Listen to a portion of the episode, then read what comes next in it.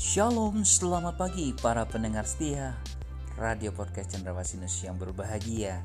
Hari ini kita akan mendengar akan renungan akan firman Tuhan. Biarlah firman Tuhan yang hidup itu akan menjadi berkat ketika Anda mendengarnya Dan rema dalam kehidupan Anda. Selamat mendengarkan firmannya. Tuhan Yesus memberkati Anda. Silakan Charles.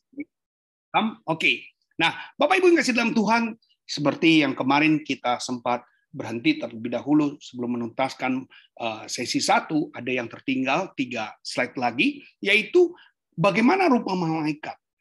Saya, saya sampaikan bahwa tadi sudah saya mulai bahwa malaikat mereka tidak berjenis kelamin laki-laki atau perempuan dan karena memang mereka tidak diciptakan Allah untuk beranak cucu, ya untuk melahirkan atau meneruskan keturunan tidak.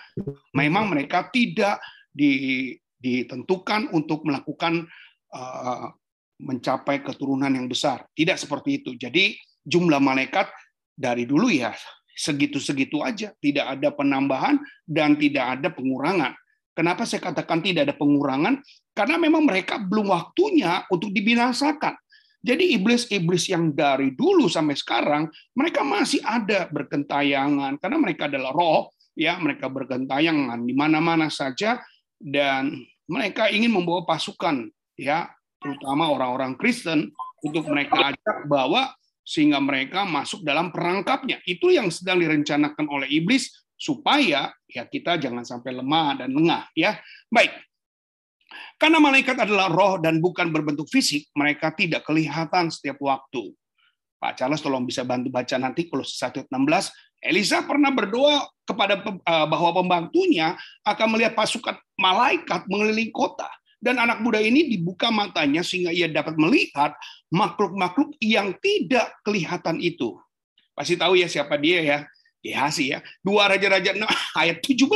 Abraham ketika dikunjungi tiga pembawa pesan surgawi, ketika malaikat muncul, mereka muncul dalam bentuk manusia. Abraham menyebut tiga tamu malaikat itu dan muncul sebagai pelacong biasa. Silakan Pak Charles dibantu Kolose 1 ayat yang ke-16. Kolose pasal 1 ayat yang ke-16. Karena di dalam dialah telah diciptakan segala sesuatu yang ada di surga dan yang ada di bumi, yang kelihatan dan yang tidak kelihatan, baik singgah sana maupun kerajaan, baik pemerintah maupun penguasa. Segala sesuatu diciptakan oleh dia dan untuk dia. Amin. Oke, dua Raja-Raja 6 ayat 17.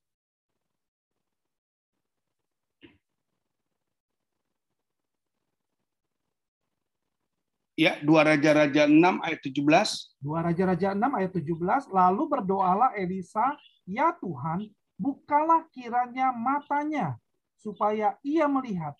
Maka Tuhan membuka mata bujang itu sehingga ia melihat tampaklah gunung itu penuh dengan kuda dan kereta berapi di sekeliling Elisa.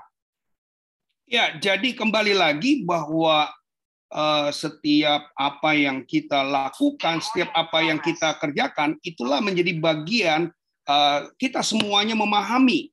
Ini yang penting, ya. Jadi sudah-sudah mulai tahu bagaimana pekerjaan yang kita dapat perhatikan dari ya sesuatu yang nyata saat ini.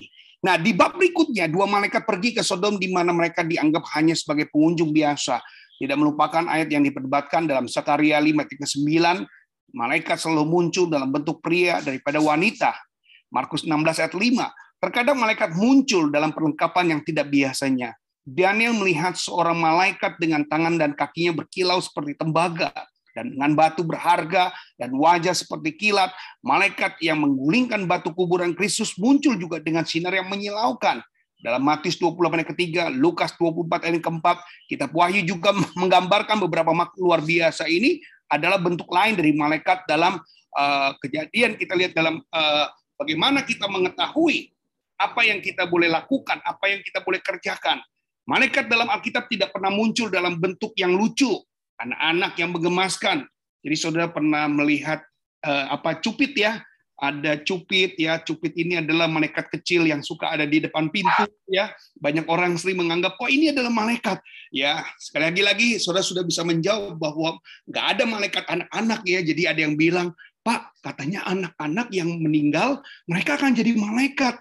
Nggak ya saudara ya.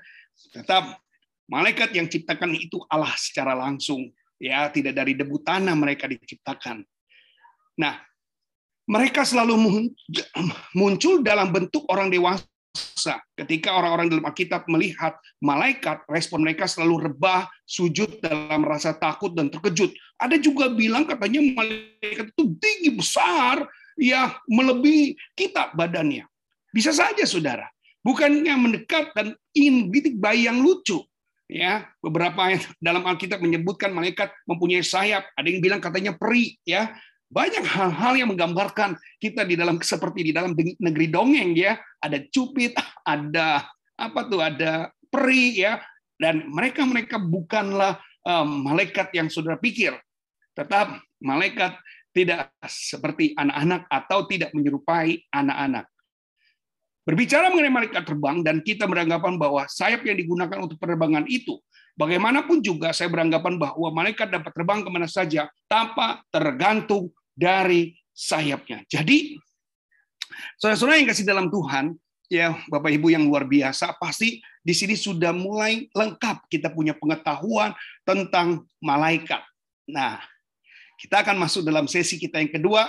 Jadi, itu adalah sesi kita yang kemarin yang tertinggal ya. Oke. Dalam Wahyu 8 ayat 1 2, dan hari ini saya akan memberitahukan betapa banyaknya kisah-kisah Alkitab Tadi sebelumnya memang sudah banyak cerita tentang Alkitab, dari mana mereka, dan apa mereka punya pekerjaan, dan apa yang mereka lakukan. Kalau saudara genapi semuanya, isi dari seluruh malaikat punya pekerjaan adalah mereka menyampaikan pesan-pesan yang dari Allah. Jadi dia adalah utusan pembawa berita dari Allah. Mari Pak Charles bantu saya baca Wahyu 8 ayat 1 sampai 2.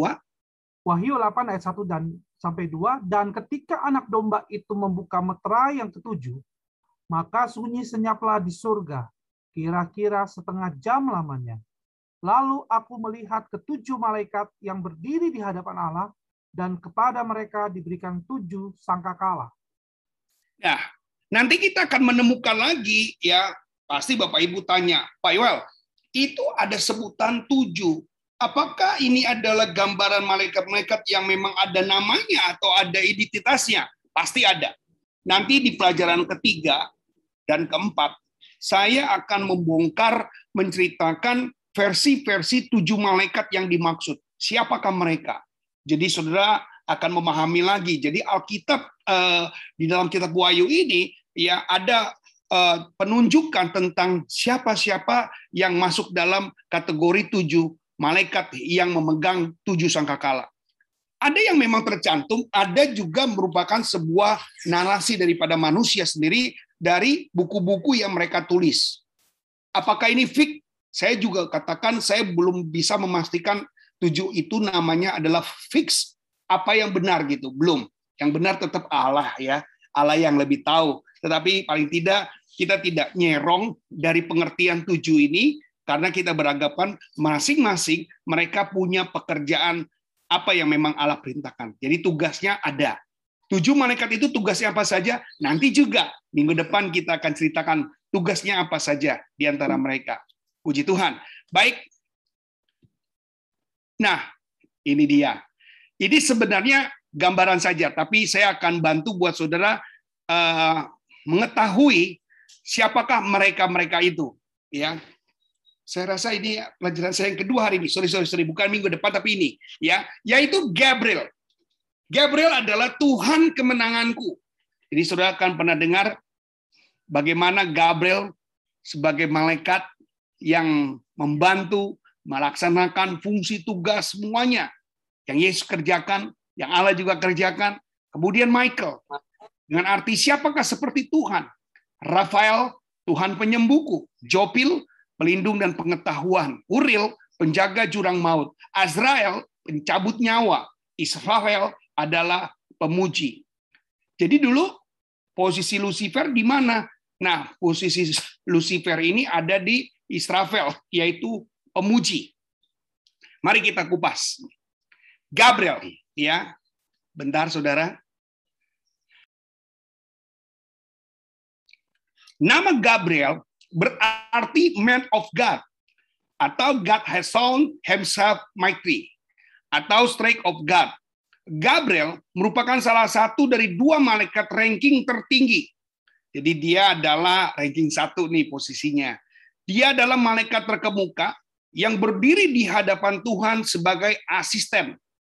Dia adalah malaikat akan kabar sukacita, kemanusiaan, kebangkitan, surga rahmat, dendam, kematian, wahyu, kebenaran, harapan, pembawa berita, pembawa yang mengungkapkan jawaban, dan pembuat perubahan.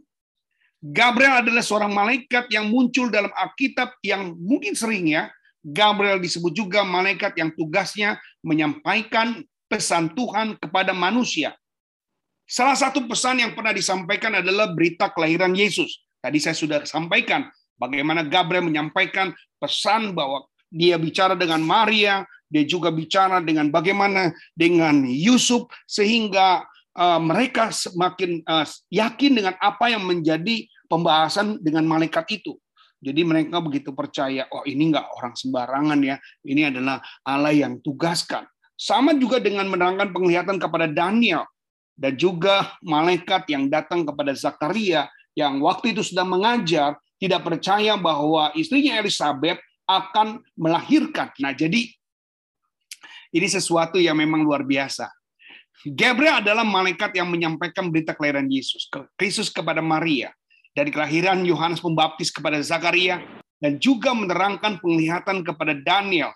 Di dalam budaya simetik, nama selalu punya arti sebagai tanda untuk menyatakan sesuatu atau penanda ingat. Bahasa Ibrani atau bahasa Aram kata Gabriel dibentuk dari dua kata yang disampaikan sang malaikat itu sendiri dengan bahasa yang dimengerti oleh bangsa Israel. Demikianlah penguraiannya.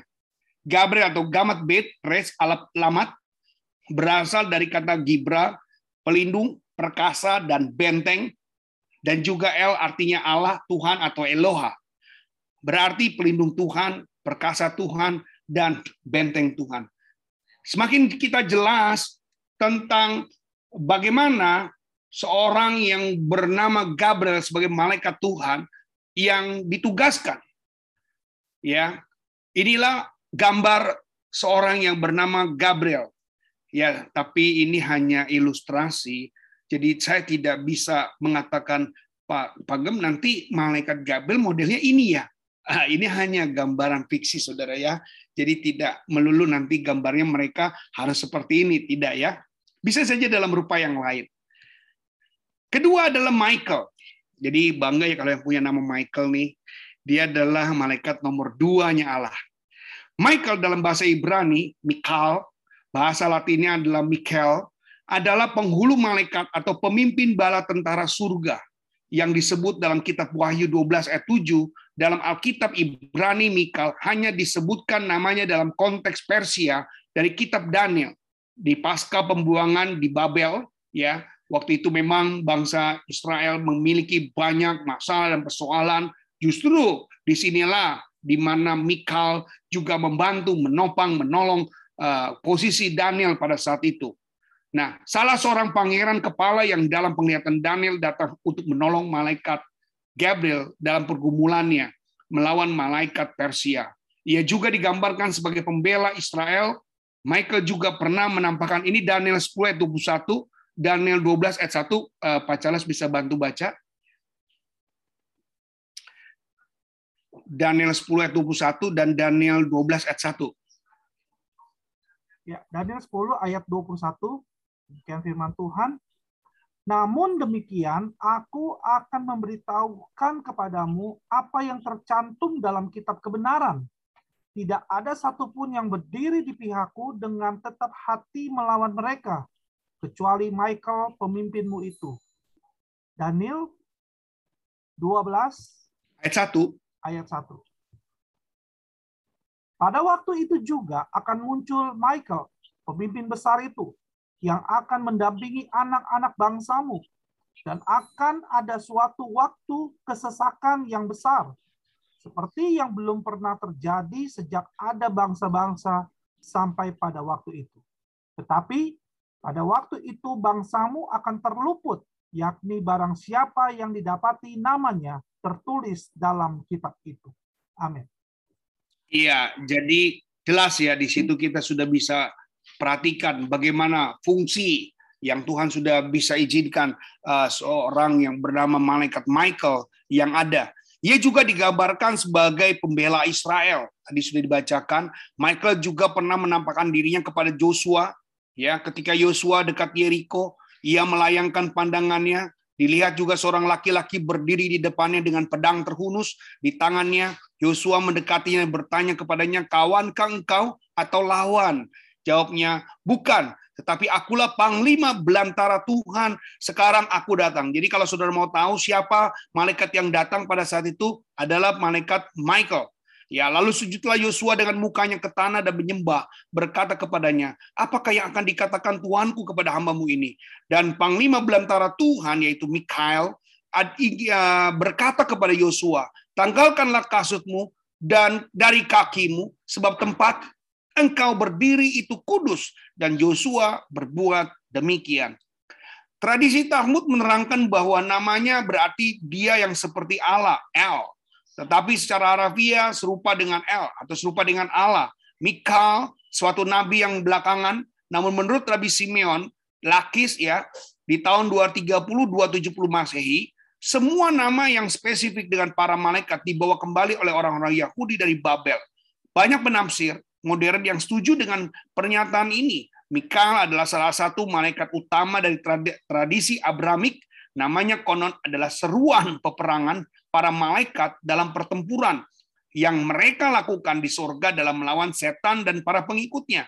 Tokoh Mikael ya diduga berasal dari Kaldea sebagai dewa atau roh pelindung ya diterima orang-orang Yahudi dan kemudian muncul sebagai malaikat penting dalam cerita rakyat Yahudi sehingga ia dihormati sebagai malaikat pelindung bangsa Israel 70 atau 72 negara menurut sumber-sumber lain. Jadi memang bisa saja kemungkinan hal seperti itu terjadi.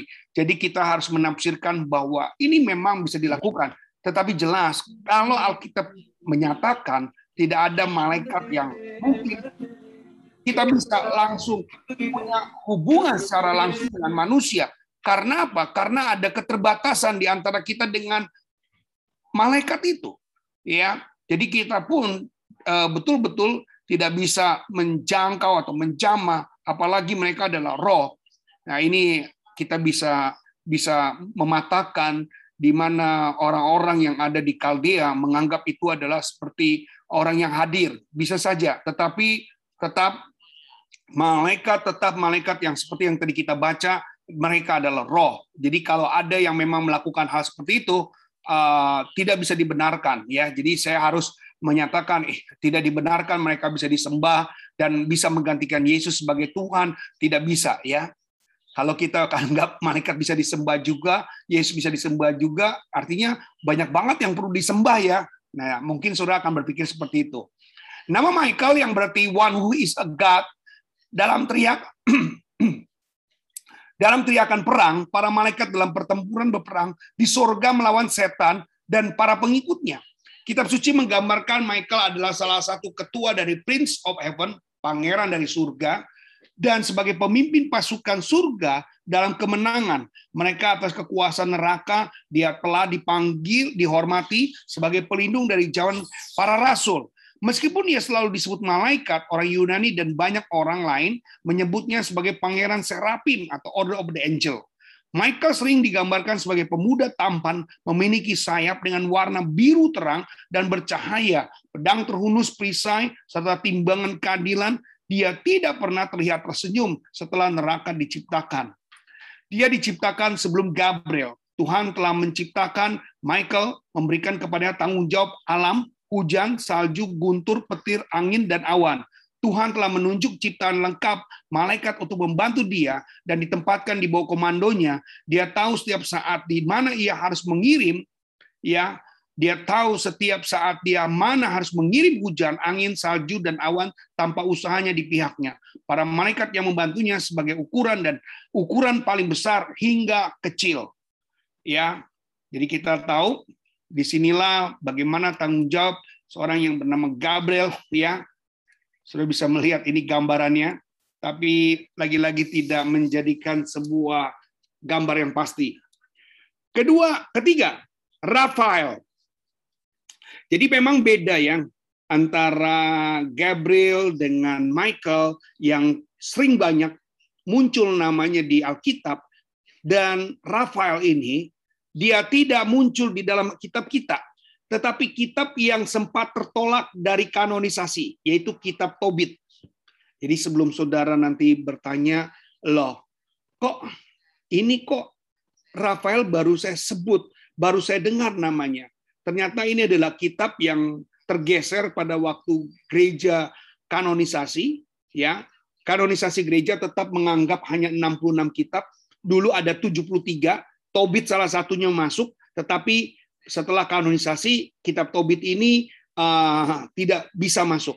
Hanya saja Katolik mereka bisa menerima ya Katolik bisa menerima karena Tobit bagian dari Deuterokanonika yang dimiliki oleh kitabnya orang Katolik ya. Jadi seperti itu Saudara. Nama Rafael yang berarti medikin, medis, medikin of God ya. Rafael dibebankan tugas untuk menyembuhkan bumi dan memiliki tugas khusus untuk melindungi anak muda, orang yang tidak bersalah dan wisatawan. Dia adalah malaikat doa, kasih, sukacita, providensia, penyembuhan, cahaya, ilmu pengetahuan, dan pengetahuan. Dia dikaitkan dengan musim semi dan kelahiran kembali. Di atas segalanya ia adalah malaikat penyembuhan. Rapel ditemukan dalam kitab Tobit. Ya, ini tadi saya sampaikan. Di dunia Rapel turun sebagai manusia menemani Tobias muda. Setelah bersama menyembuhkan orang buta di Tobit, maka Rapel yang tadinya mengaku sebagai Azarias dan Ananias mengaku kalau dirinya, dirinya adalah Akengel. Nah, saudara-saudara, inilah yang membuat akhirnya, ya, inilah yang membuat akhirnya kitab Tobit ini tidak bisa masuk dalam firman Tuhan. Tidak bisa masuk dalam kitab suci. Karena apa? Karena ada hal-hal yang seperti ini tadi. Ada hal-hal yang seperti ini uh, muncul dan Alkitab tidak menerima ya kisah dari manusia yang tidak bisa menjelaskan karena tidak ada istilah manusia berubah menjadi malaikat. Lagi-lagi ini adalah temuan saja saudara. Jadi bukan sebuah eh, keharusan saudara harus bisa, wah berarti ini malaikat namanya ini. Enggak ya. Jadi ini hanya saudara bisa menggambarkan. Karena nanti ada versinya lagi di bab 3. Ya, dalam keyakinan Kristen Rafael tidak disebutkan. Ya, tadi saya sudah bilang tidak disebutkan dan tidak dimuat. Akan tetapi ada yang beranggapan bahwa Rafael adalah malaikat yang turun terjadi goncangan air di kolam Bethesda. Bagi yang sakit, masuk pertama kali setelah goncangan, ingat ya yang 38 tahun, dia bisa disembuhkan setelah mengalami proses yang dialami ini. Malaikat yang bertugas menyembuhkan tidak lain adalah Rafael katanya. Menurut keyakinan Islam katanya Rafael lebih dikenal sebagai Israfil. Ada malaikat yang nanti akan meniupkan sangkakala akhir zaman. Berbeda sih dengan keyakinan Kristen dan Katolik. Jadi Saudara-saudara, nama Rapel ini di Katolik ada, eh, di Islam juga ada. Ya, bahkan di Kristen memang tidak. Ya, jadi saya boleh sampaikan di Kristen tidak. Jadi kalau saudara boleh perhatikan, memang tidak ada nama ini muncul. Nah ini yang namanya Rapel, saudara. Disembah nggak? Iya, ada yang memang menyembah khusus mereka ini. Karena dia adalah tadi malaikat penyembuh. Ya, jadi kalau orang sakit katanya manggil Rafael untuk didapatkan kesembuhan. Kalau kita tetap ya percaya sama Tuhan Yesus, eh, Roh Kudus yang akan menyembuhkan kita semuanya. Berikutnya adalah Jopil.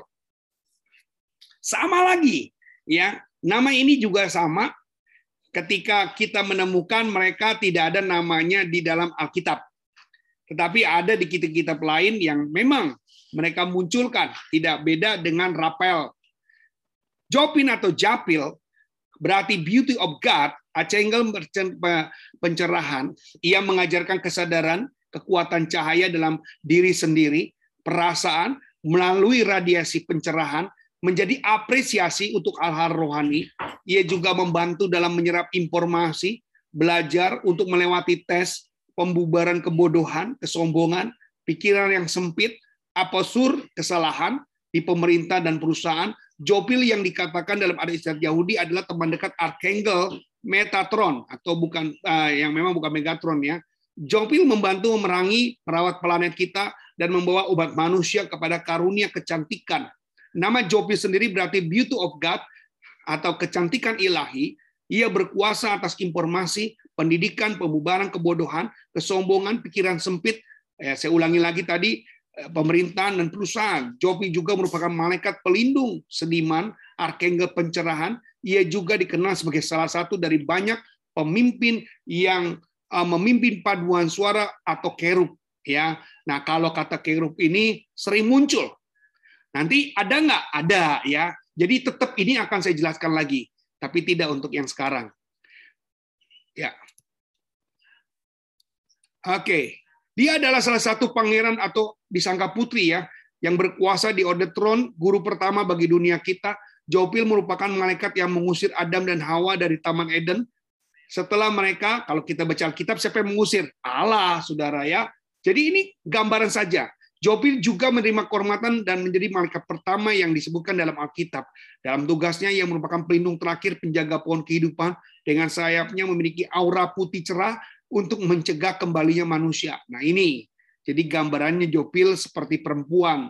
Ya, kalau saudara lihat di rumah Mediterania, Mediterania ada wanita yang sedang cantik dan memegang kendi, dan kendinya itu mengeluarkan air, ini sering sekali ada di rumah-rumah orang-orang yang mungkin kaya ya. Dia punya apa? Dia punya gambaran seperti ini, ya. Jadi saudara, jadi mulai tahu oh ini nih yang namanya Jopil, ya. Nah, berikutnya Azrael. Jadi ada yang nama keluarganya Azrael, ya ini.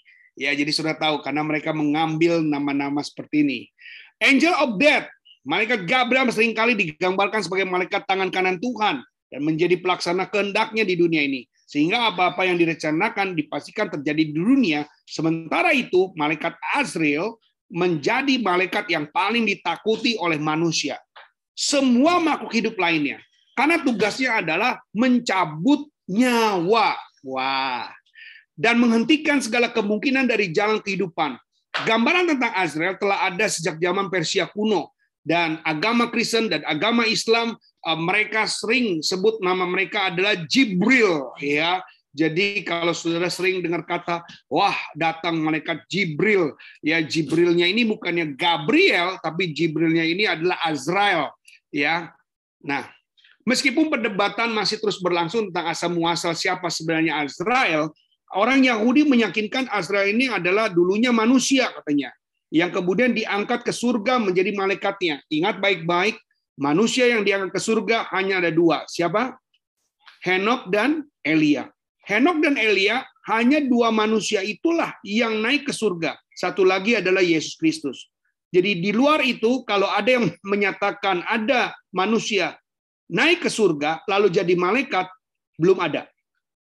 Ya, dan tugasnya eh, Elia dan tugasnya Henok tidak menjadi malaikat, tidak menjadi malaikat.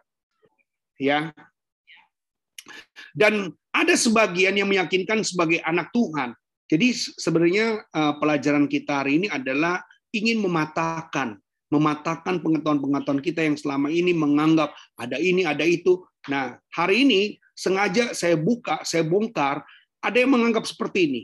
Tapi apakah kita ingin mengimaninya? Nanti kan saudara ketemu sendiri, ya ngapain mengimani malaikat kalau ada Tuhan yang lebih baik atau Tuhan yang lebih hebat. Jadi saudara akan lihat di situ ya. Jadi inilah yang gunanya kita belajar, saudara. Ada sebagian yang meyakinkan sebagai anak Tuhan, namun kisah yang terbentang sepanjang sejarah tentang posisi dan tugasnya nyaris senada. Azrael adalah malaikat yang ditugaskan pertama kali oleh Tuhan untuk mengumpulkan tanah liat dari muka bumi sebagian bahan dasar penciptaan manusia. Ada nggak di Alkitab? Halo, ada nggak di Alkitab? Pak Charles? Ada nggak di Alkitab? malaikat yang mengumpulkan tanah liat? Ada? Boleh dijawab, ada tidak? Tidak ada. Ya. Jawabannya tidak ada, Saudara. Tidak ada tugas malaikat untuk mengumpulkan tanah liat. Allah berfirman, jadilah bumi, jadilah terang, jadilah segala sesuatunya. Allah tidak perlu malaikat untuk menciptakannya. Jadi kita sudah bisa mematakan satu persatu ya. Lagi, kita lihat lagi di sini. Setelah awalnya bumi mengelak, memberi, dan mempertanyakan kewenangannya, maka Tuhan memberikan kedudukan sebagai eksekutor yang akan menggenggam umur dan mematikan manusia, serta makhluk hidup yang lainnya yang akan ia ciptakan. Tentu saja atas izin dari atas perintah Tuhan. Jadi, walaupun dia malaikat pencabut nyawa, ha, ini yang sedikit dia ragukan izin Tuhan ya. Saudara, kalau mau dekat sama yang cabut atau sama yang kasih izin? Tolong dijawab. Bisa bantu saya? Saudara mau dekat sama Tuhan, pemberi izin apa yang eksekusi? Halo? Masih saudara kan jawab, saya dekat sama yang kasih izin dong. Yang Karena yang kasih izin itu lebih... Betul, terima kasih. Pastinya yang izinkan dong. Jadi kok malaikat minta izin berarti dia perlu ditakuti nggak? Nah, sudah jawab sendiri. Ya, Azrael adalah malaikat maut yang selamanya menulis dalam sebuah buku. Nah, ya, selamanya menghapus apa yang ia tulis. Malaikat nggak mana bisa tulis buku ya, tapi kok ini bisa. Jadi kita mulai lihat lagi ada hal-hal yang mulai. Nah, Nah ini dia, saya sedikit memang masukin juga agama Islam di sini yang sering kali orang sebut ya. Mikael, Jibril, Israfil digambarkan sebagai malaikat proposi raksasa. Satu kakinya terletak di atas bait luar langit ketujuh, sementara kaki yang lain ada pada jembatan antara neraka dan surga. Lagi-lagi neraka belum ada ya, kok mereka bisa. Kalau neraka udah ada, mereka udah langsung dikirim sama Allah. Justru karena neraka belum ada, saudara Israel memerintahkan segenggam bumi untuk menciptakan Adam dari tanah liat dan mengambil nyawa setiap kehidupan atas perintah Allah. Karena itu dia meraih gelar sebagai malaikat maut. Azrael akan menjadi eh, yang terakhir untuk mati pada saat akhir zaman telah usai. Karena masa penghakiman sudah selesai, ya sudah habis, orang yang selamat beroleh hidup kekal. Sehingga tugas Azrael tidak diperlukan lagi pada saat itu. Karena ketaatannya tugas kepada Allah, dia akan mencabut nyawanya sendiri. Ya, ini ya gambaran Azrael, saudara. Lalu yang keenam Uril. Nama Uril artinya God is my light ya atau God is light atau radiation of God, fire of God. Uril adalah malaikat terkemuka di pengetahuan dan memiliki banyak sebutan. Jadi dia disebut juga serapin, Kerup, Regent of Sun, Fire of God, Angel of Presence, sebagai salah satu anggota yang paling setia dan berdedikasi. Uril juga ditempatkan bertugas untuk menjaga Tartunus atau jurang maut. Legenda juga mengatakan bahwa Uril berdiri di pintu gerbang The Lost Eden dengan pedang berapi-api, dengan sayapnya yang beraura emas keunguan. Dikatakan Uril merupakan salah satu malaikat yang meratakan kota Sodom dan Gomora menjadi abu berdasarkan perintah Tuhan untuk penghakiman terhadap manusia yang melanggar perintah-perintahnya. Namanya sendiri berarti terang api Tuhan. Uril merupakan salah satu malaikat kerup yang turut menjaga jalan di Taman Eden. Uril digambarkan sebagai malaikat dengan pedang api. Meskipun nama Uril tidak disebut dalam Alkitab, Uril juga disebut-sebut sebagai malaikat yang turun saat tulah ke-10, yaitu anak sulung mati.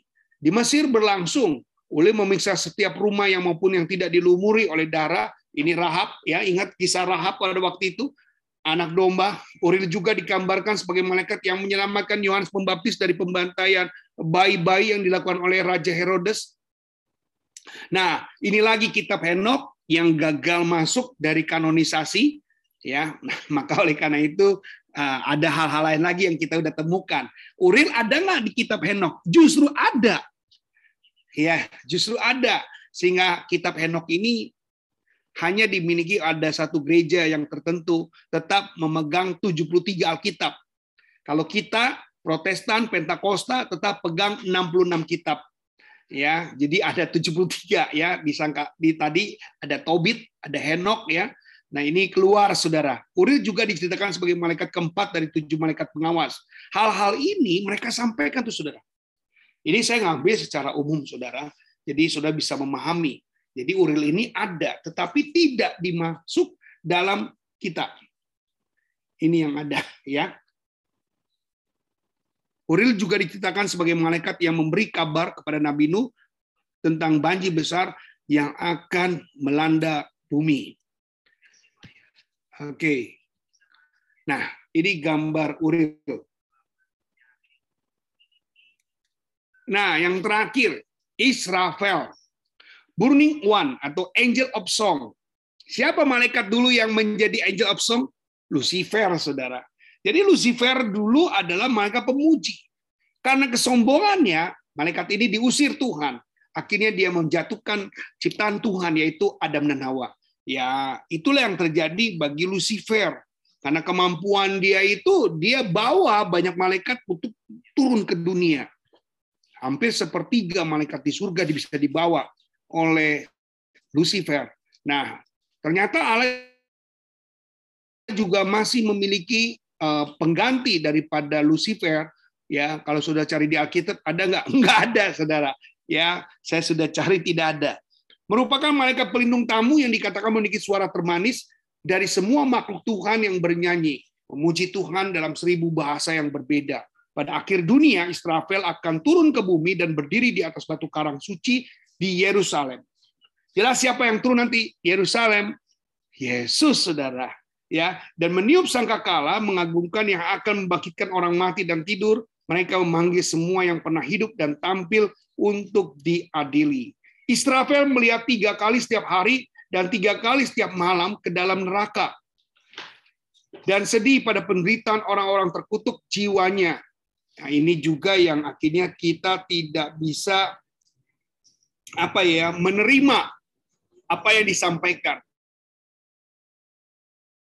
lagi uh, maaf neraka belum diciptakan. Bagaimana mungkin kok dia bisa lebih tahu daripada yang menciptakan?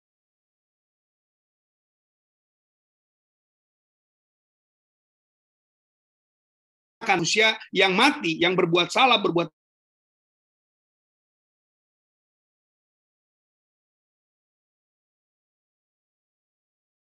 dosa, belum ada hukuman neraka buat mereka. Masih terkumpulkan. Belajar dulu saudara.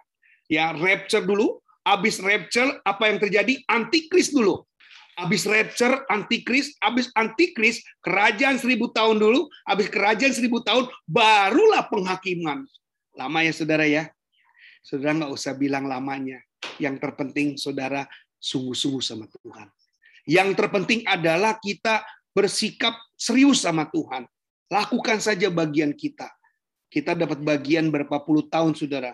70, 80. Nah, mari kita endingnya dengan luar biasa.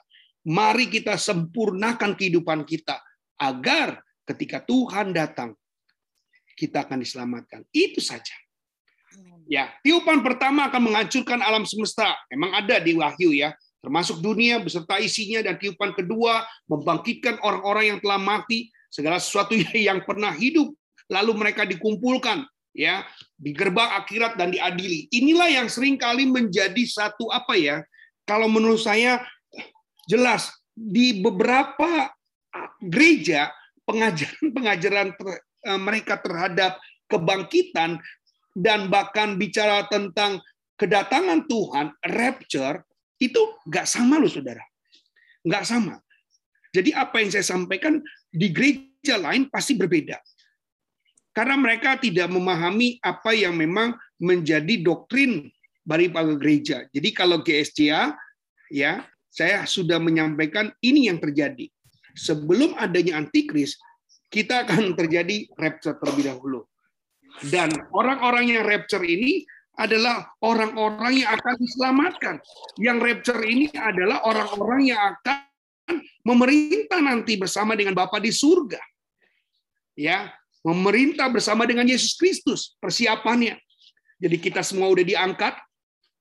Lalu bagaimana dengan orang Kristen yang setengah-setengah?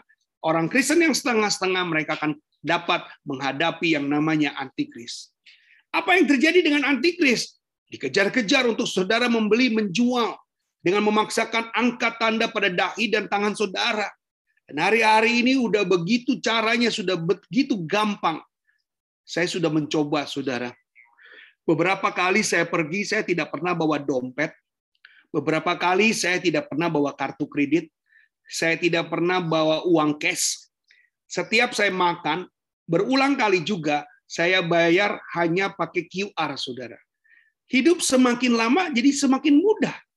Dan saudara tahu di dalam QR atau di dalam eh, saudara bisa scan data saudara itu sudah terbaca di mana-mana. Jadi itulah kesulitan kita. Kalau kita nanti tidak sampai terangkat ke surga, gampang kali kita dilacak. Gampang sekali. KTP kita saat ini sudah online, saudara. Ketika diklik nama saudara, dia tahu saudara punya tabungan berapa. Dia tahu saudara punya tabungan di mana saja. Dia tahu saudara punya mobil apa saja. Dia tahu dia saudara punya motor apa saja. Saat ini hebat, saudara. Semua data kita bisa membaca harta benda yang kita miliki. Betul, saudara. Jadi betul-betul zaman saat ini sudah sangat canggih. Apabila nanti dikatakan manusia akan mengikuti dan percaya menerima angka 66 itu, dan tangan dahinya itu akan diberi tanda, diberi cap 666, saudara yang mendapatkannya tidak akan mendapat bagian dalam surga. Tapi mereka yang tidak mendapatkannya, saudara harus ke mana? Pergi ke hutan, dan saudara yang nggak terbiasa hidup di hutan, mungkin satu dua hari saudara bisa hidup di hutan. Dan waktu saudara lari, berapa barang-barang yang bisa saudara bawa? Di ransel saudara berapa roti yang saudara bisa bawa? Berapa daging yang saudara bisa bawa? Mungkin daging yang saudara bawa, roti yang saudara bawa, anggaplah bisa membawa saudara hidup selama satu bulan. Bagaimana dua tahun-tahun berikutnya? Karena saudara nggak bisa membeli, karena saudara tidak punya tanda itu. Saudara tidak bisa menjual, karena saudara tidak punya tanda itu. Karena yang menjual dan membeli itu hanya ada bagi orang-orang yang memiliki tanda itu. Jadi yang nggak punya tanda jangan berharap mereka akan membeli dan menjual.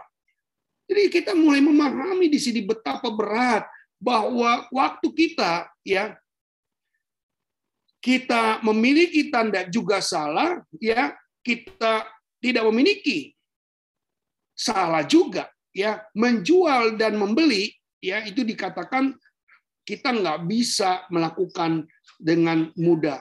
Jadi saudara ada sesuatu yang saudara mulai hadapi di situ. Coba Pak Charles bantu saya baca Wahyu 13. Mulai dari berapa ya? Ayat yang coba Wahyu 13 ayat yang ke-10 boleh deh Pak Charles. Ya. 10 sampai 17 ya. Oke. Wahyu 13. Oke, perhatikan ya Bapak Ibu ya. Wahyu pasal 13 ayat 10 sampai yang ke-17. Sampai 18 deh. Oke. Barang siapa ditentukan untuk ditawan, ia akan ditawan. Barang siapa ditentukan untuk dibunuh dengan pedang, ia harus dibunuh dengan pedang. Yang penting di sini ialah ketabahan dan iman orang-orang kudus. Ingat ya, ada akan terjadi dalam kehidupan kita. Ada yang mungkin bisa hidup tanpa ada ditawan, ada yang bisa hidup tanpa dibunuh. Tetapi nanti Jangan heran kalau ada orang Kristen yang ditawan. Jangan heran ada orang Kristen yang dibunuh. Karena apa tadi disatakan ayat yang terakhir? Yang penting di sini adalah ketabahan dan iman orang-orang kudus. Lanjut. Dan aku melihat 11. dan aku melihat seekor binatang lain keluar dari dalam bumi dan bertanduk dua sama seperti anak domba. Dan ia berbicara seperti seekor naga dan seluruh kuasa binatang yang pertama itu dijalankannya di depan matanya. Ia menyebabkan seluruh bumi dan semua penghuninya menyembah binatang pertama yang luka parahnya telah di, telah sembuh. Dan ia mengadakan tanda-tanda yang dahsyat. Bahkan ia menurunkan api dari langit ke bumi di depan mata semua orang ia menyesatkan mereka yang diam di bumi dengan tanda-tanda yang telah diberikan kepadanya untuk dilakukannya di depan mata binatang itu. Dan ia menyuruh mereka yang diam di bumi supaya mereka mendirikan patung untuk menghormati binatang yang luka oleh pedang, namun yang tetap hidup itu. Dan kepadanya diberikan kuasa untuk memberikan nyawa kepada patung binatang itu. Sehingga patung binatang itu berbicara juga dan bertindak begitu rupa. Sehingga semua orang yang tidak menyembah patung binatang itu dibunuh. Dan ia menyebabkan sehingga semua kepada semua orang kecil atau besar, kaya atau miskin, merdeka atau hamba, diberi, diberi tanda pada tangan kanannya atau pada dahinya, dan tidak seorang pun yang dapat membeli atau menjual. Ya, diperpelan lagi. Dan tidak seorang pun yang dapat membeli atau hmm. menjual, selain daripada mereka yang memakai tanda itu, yaitu nama binatang itu atau bilangan namanya. Yang ke-18, yang penting di sini ialah hikmat. Barang siapa bijaksana, baiklah ia menghitung bilangan binatang itu, karena bilangan itu adalah bilangan seorang manusia, dan bilangannya ialah 666. Makin kedekat seperti sekarang ini, makin kita jadi memahaminya, saudara. Jadi memang, wah Alkitab ini sebenarnya kalau dipelajari, saudara, wah betul-betul sangat-sangat menarik sekali. Kita nih nggak gampang-gampang, saudara, untuk bisa memberitahu atau menerima tentang hal seperti ini. Kalau saudara hari ini bisa ikut Zoom, saya senang banget karena saudara mulai melatih diri saudara dengan pengetahuan Alkitab karena memang kita jadi ngerti, saudara, bahwa memang di sana nanti akan terjadi. Lagi-lagi saya katakan kita mematakan bagaimana malaikat ini punya fungsi dan punya tugas. Yang mana tidak seperti apa yang Alkitab katakan jadi saudara. Jadi situlah kalau saudara terjadi hal-hal yang sedemikian, jadi saudara sudah memahami. Jadi sebelum apakah kalau saudara bertanya Pak Yuel apakah nanti eh, orang-orang yang rapture itu mengalami enggak? Enggak. Orang yang rapture adalah orang-orang yang sudah hidupnya benar dari sekarang ini. Jadi orang yang sudah hidup benar dari sekarang ini, beruntunglah mereka karena memang mereka akan terselamatkan. Bagaimana yang tidak beruntung? Yang tidak beruntung adalah mereka-mereka yang menolak untuk diselamatkan. Mereka tidak bertobat sampai saat sekarang ini. Mereka tidak mau terima Yesus. Akhirnya pada waktu terjadi antikris, mereka akan dikejar-kejar. Apalagi yang setengah-setengah. Yang setengah-setengah itulah, yang suam-suam kuku. Percaya ke gereja, ke gereja, tapi nggak pernah beriman.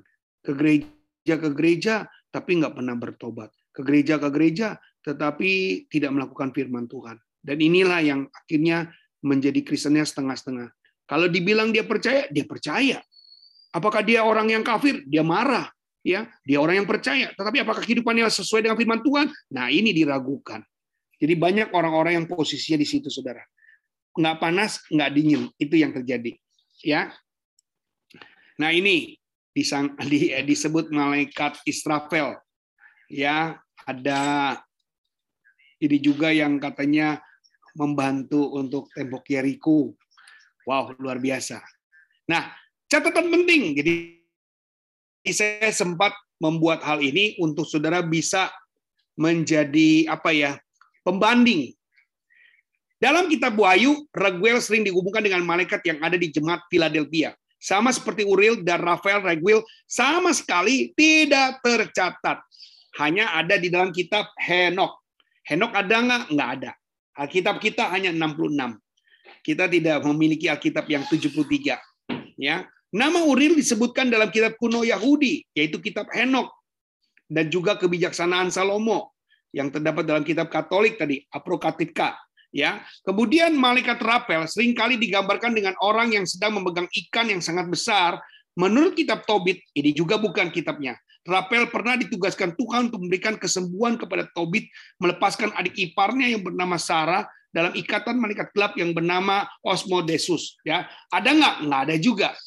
Lalu Serapi bukanlah nama malaikat seperti Gabriel atau Michael, melainkan nama grup. Nah, ini yang menjawab pertanyaan Pak Suhardi ya.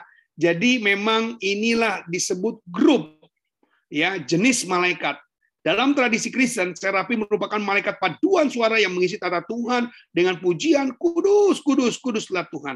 Serafim adalah malaikat staf setia kepada Tuhan, walaupun mantan pemimpin mereka adalah Lucifer atau El, memberontak terhadap Tuhan dan kemudian berganti nama menjadi Lucifer.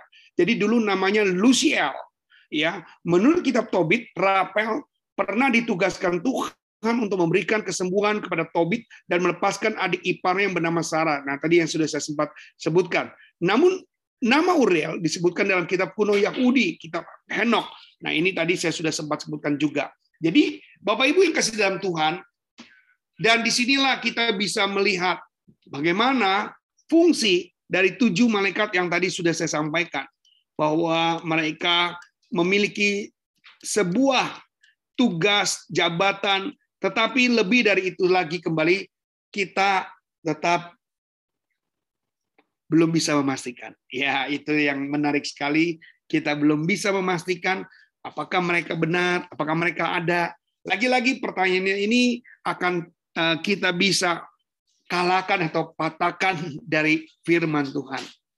Ada tujuh versi di sini, ada tujuh lagi versi nanti yang akan saya sampaikan tentang yang dikatakan oleh kitab Wahyu ya jadi ini akan dibuktikan lagi tujuh menurut dari pandangan-pandangan yang lain sampai kita akan menemukan betul-betul tujuh malaikat yang dimaksud ini ada dalam Alkitab. Wah, susah-susah gampang ya. Jadi temuan-temuan ini juga akan kita kumpulkan, kita akan mencari sebuah apa ya, sebuah pembuktian di antara mereka. Baik, puji Tuhan. Sudah diberkati hari ini, haleluya ya. Ya, mudah-mudahan ini juga bisa menjawab saudara yang selama ini saudara bertanya-tanya, siapa ini mereka? Bagaimana mereka? Dan apa hubungan dengan mereka? Saya percaya saudara bisa menikmati dari tokoh-tokoh yang ada di dalam Alkitab ini. Haleluya. Ada yang mau bertanya Bapak Ibu? Sudah paham semuanya? Kalau sudah paham bisa kasih jempolnya aja deh. Puji Tuhan. Haleluya. Oke, sampai di sini dulu berarti ya kita belajar nanti minggu depan kita akan lebih tahu lagi tujuh tokoh-tokoh yang dimaksud yang lain. Tuhan Yesus pasti memberkati buat kita semua.